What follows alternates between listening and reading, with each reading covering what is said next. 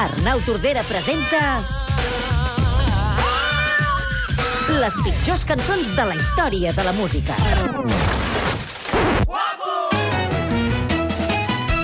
Guapo, m'ho diuen quan passejo.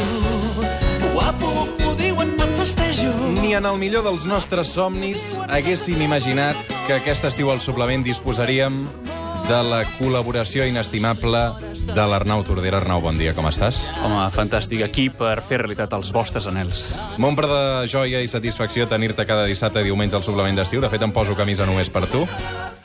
Doncs eh, et convido a treure-te-la en el moment més oportú. Quan tu ho desitgis, així serà. Però no ho farem públicament. Això Nois, esperarem en les notícies de les 11. Anem al tema, potser. Anem al Anem tema. Solucioneu-ho fora, això. Cada cap de setmana l'Arnau Tordera ens acompanya per repassar les pitjors cançons de la història de la música.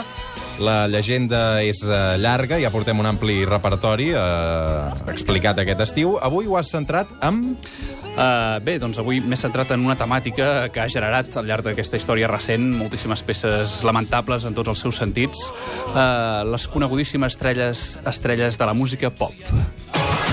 think I did it again. I made you believe we're more than just friends. Avui hem d'explicar que l'Arnau Tordera serà políticament correcte, perquè criticar Britney Spears eh, tampoc mm, no suposa cap mm, guanyar-te gaires enemics, no? No, Arnau sempre és políticament correcte. Parles de tu en tercera persona, ja? Bé, en aquest cas m'ha semblat prou atractiu fer-ho així. Si vols puc parlar de mi en, en pròpia persona. De la primera persona de la Britney Spears, què en penses?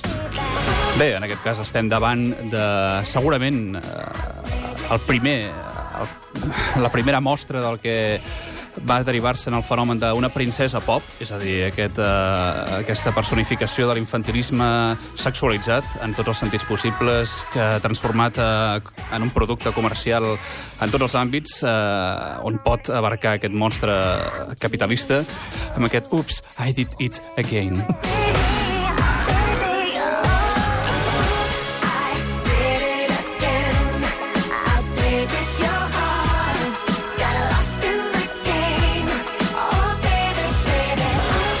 aquests artistes passa una cosa, i és que totes les cançons sonen absolutament idèntiques.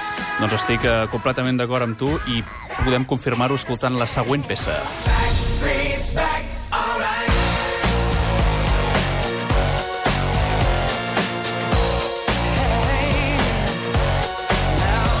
Una perla de l'any 1997. Qui ho diria que han passat tants anys, eh, des d'aquest hit dels Backstreet Boys, Tordera? Ja fa el seu temps, sí, en efecte, ja ha envellit de manera lamentable, com, com es pot comprovar. Bé, en aquest cas, si Britney Spears eh, generava el que és el fenomen de la princesa pop, eh, amb Backstreet Boys ens trobem davant del concepte, segurament per segona vegada a la història, de boy band. Què vols dir, la segona vegada de la història? Què és la primera? Bé, dic segona vegada perquè és conegudíssim, la primera boy band coneguda per tots, eh, ni més ni menys que els Beatles. M'estàs comparant els Beatles amb Backstreet Boys?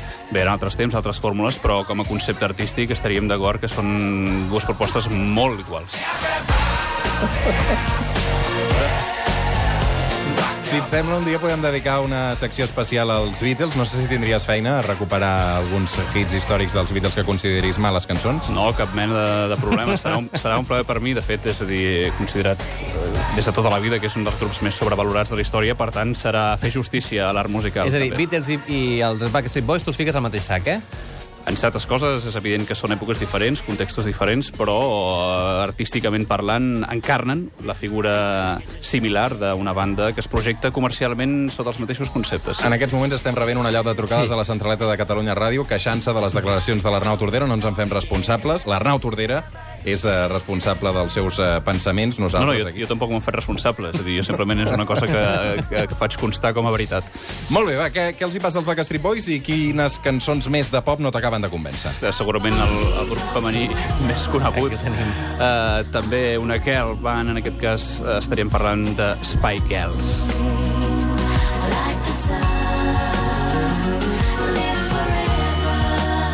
Mira, a, Spice Girls podries haver escollit moltes cançons de Spice Girls que pots considerar les pitjors de la història de la música, però per què aquest Spice uh, Wall?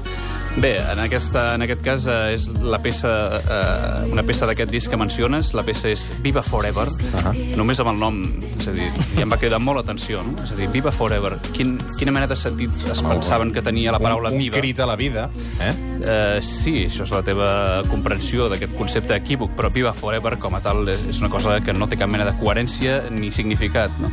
Però el que vull ressaltar, sobretot en aquest cas, és el fet de, de considerar l'inclusió d'una paraula en castellà que ja eh, ofereix la possibilitat d'incorporar-hi una guitarra flamenca darrere. No? En aquest cas estem escoltant com... com eh, Escoltem, escoltem. que aviat sonarà. De tota manera, ara es pot s'evidencia no? la nefasta, el nefast desenvolupament musical de la peça. Aquí, aquí. Els Coldplay també van fer un disc que es deia Viva la vida, en aquest cas. Que Sí, això però és un... en aquest sentit estaríem davant d'una configuració lingüística que té un significat, no? Viva Forever, des del punt de vista, és un pastitx incoherent. Molt bé. Spice Girls eh, durant molts anys van utilitzar eh, el seu reclam sexual, per dir-ho així, al final, no? perquè d'alguna manera venien això.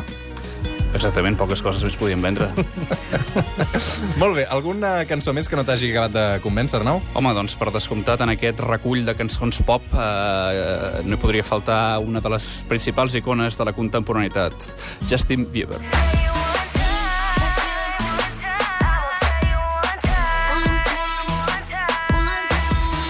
Només hem presentat cinc cançons i ja tinc mal de cap, eh? Ho comprenc, jo fa una setmana que visc en malestar perpetu.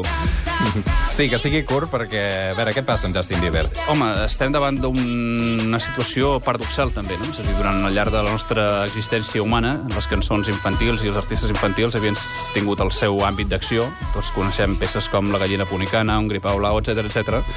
Però, evidentment, socialment tenim un problema greu quan resulta que un artista infantil eh, que ofereix peces infantils i que pretenen una recepció infantil, doncs esdevé una icona mundial i social en tots els sentits possibles i el considerem com a un artista madur. En aquest sentit, estem davant d'una També- realitat que, que ofereix aquestes paradoxes. Ha publicat una biografia, si no m'he mal fixat, el senyor Home, Bieber. té moltes coses a explicar. No sé si té 21 anys d'edat, però segur que n'hi han passat més que molts de nosaltres. Segurament no, però de tota manera eh, estic absolutament convençut que cadascuna de les coses que té per explicar aquest artista és menys interessant que l'anterior, per tant... Però tu, Arnau, per exemple, un artista de la teva magnitud i del teu nivell i del teu estatus, quantes biografies té publicades?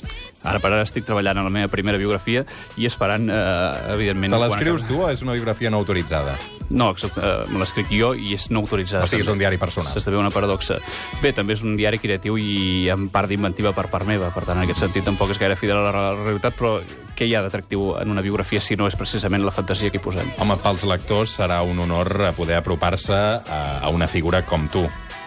Ho comprenc, evidentment, per això la faig.